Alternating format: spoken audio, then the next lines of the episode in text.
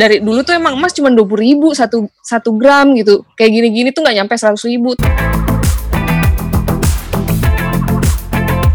Oke Pak, jadi mungkin lanjut lagi ya, aku pengen tanya lagi nih. Uh, dari Bapak sendiri kan 2007 berarti itu umur Bapak 24 kali ya, 24 Iya, baru beres kuliah waktu itu. Nah, di saat itu kan uh, Bapak ini berarti kayak aku udah menganggap wah udah melek banget nih soal investasi emas itu.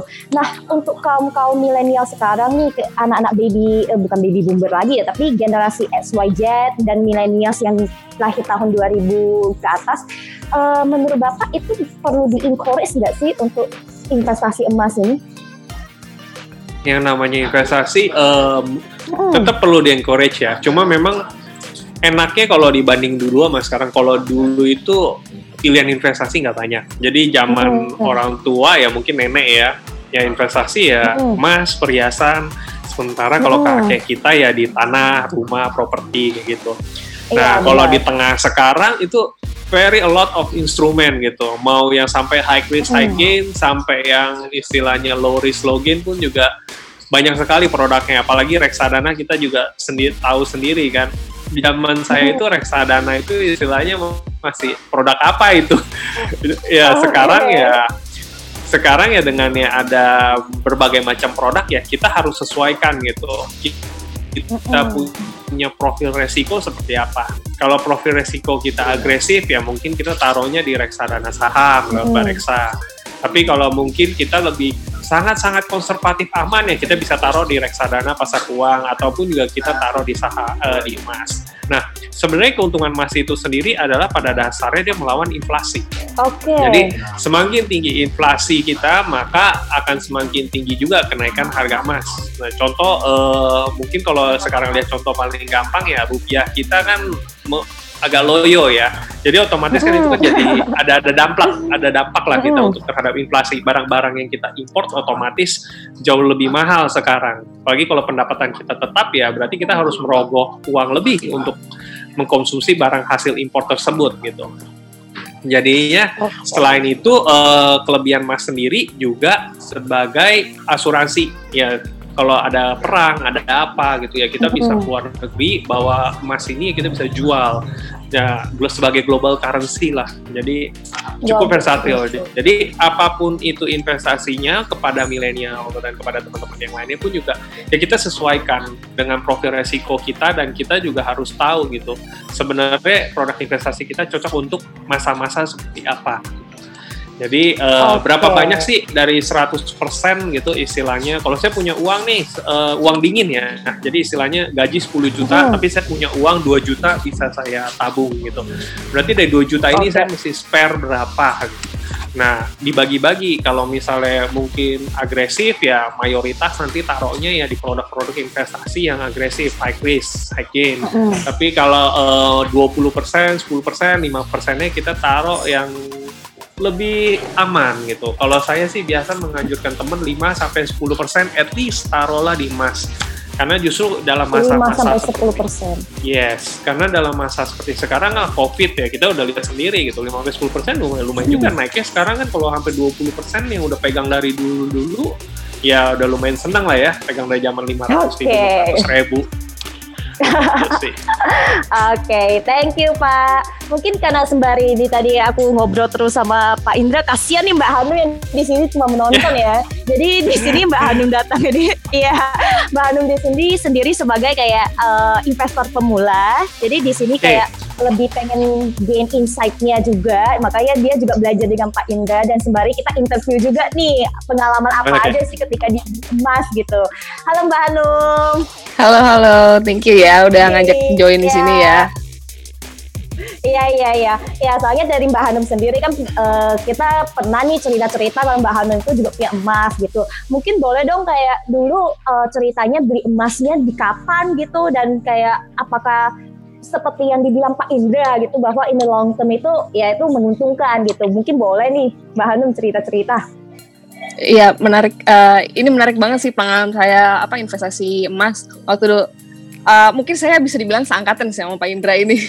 Jadi dulu kan memang emas tuh ya saya juga pernah tahu dulu kan kalau ibu saya beli anting gitu cuman dua puluh ribu anting kayak gini nih. Kebetulan saya bisanya pakai emas atau perak karena harus logam mulia kalau nggak saya alergi hmm. gitu. Dari dulu tuh emang emas cuma dua puluh ribu satu satu gram gitu. Kayak gini-gini tuh nggak nyampe seratus ribu. Terus udah gitu kan kebetulan saya dulu kan uh, kuliah. Terus uh, setelah S1 bapak saya tuh um, apa uh, nyuruh saya uh, kuliah lagi.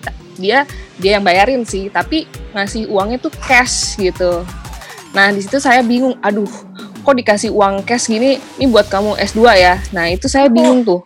Mau langsung dibayarin ke kampus kan sayang kan? Uh, ya lumayan lah lumayan gede. Terus udah gitu uh, buat buat sampai selesai aduh nanti aja deh aku bayarinnya nanti uh, uh, bayar per bulan aja biasa. Ini uangnya aku taruh di mana nah aku tahu uh, emas itu kan salah satu investasi yang uh, ya kalau buat aku terbilang aman walaupun aku juga udah waktu itu tuh sekitar 10 tahun yang lalu ya itu udah kenal uh, reksadana juga gitu. Nah, tapi kan karena ini buat uh, kebutuhan aku kuliah, ya aku masukin aja dulu ke emas dan kebetulan waktu itu memang harganya sekitar 400 500 ribu waktu itu. Itu nggak berasa sih karena sebelum aku kuliah itu kan masih di bawah itu gitu. Dan kok emas bisa naiknya segini segini cepat gitu ya.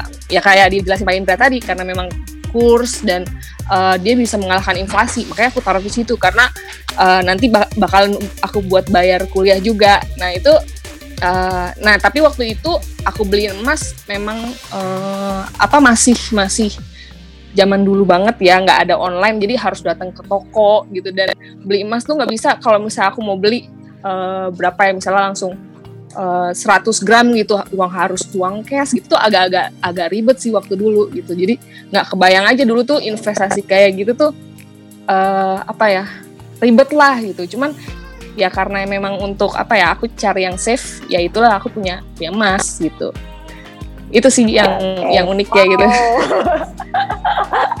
buat testimoni ya S2 iya tapi berarti dari kecil dulu itu Mbak Anum juga udah aware ya bahwa kayak investasi emas gitu ya.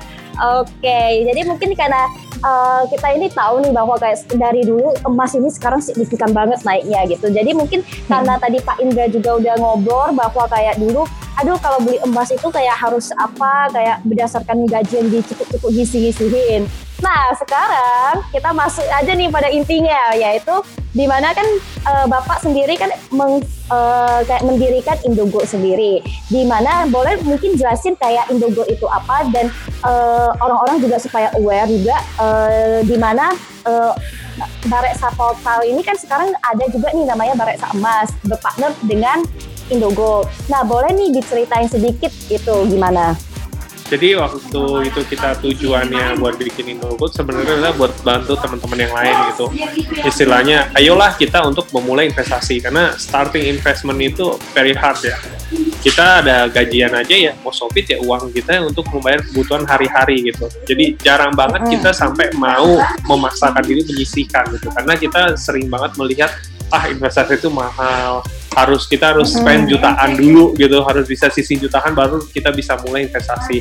Pada dasarnya dengan memulai Indogold ini ya kita harapannya membantu ya buat teman-teman ayo start gitu. Lu mau ada uang lima puluh ribu delapan puluh ribu pun already can start gitu. Jadi okay. doesn't need to have you have two million rupiah gitu. Itu aja sih berangkat dari situ tujuannya untuk membantu teman-teman mulai investasi Oke. Okay. Dan ke, wow. beruntung banget di Bareksa juga mm. supermarket reksadana ya. Kita juga ngelihat kan dari sepuluh ribu ya sekarang apa seratus ribu udah bisa mulai. Nggak salah oh, Bareksa. Sepuluh ribu juga ada. Wah luar biasa. Oke. okay. Udah selesai nih, okay. Le. Mau nanya. Aku masih mau nanya.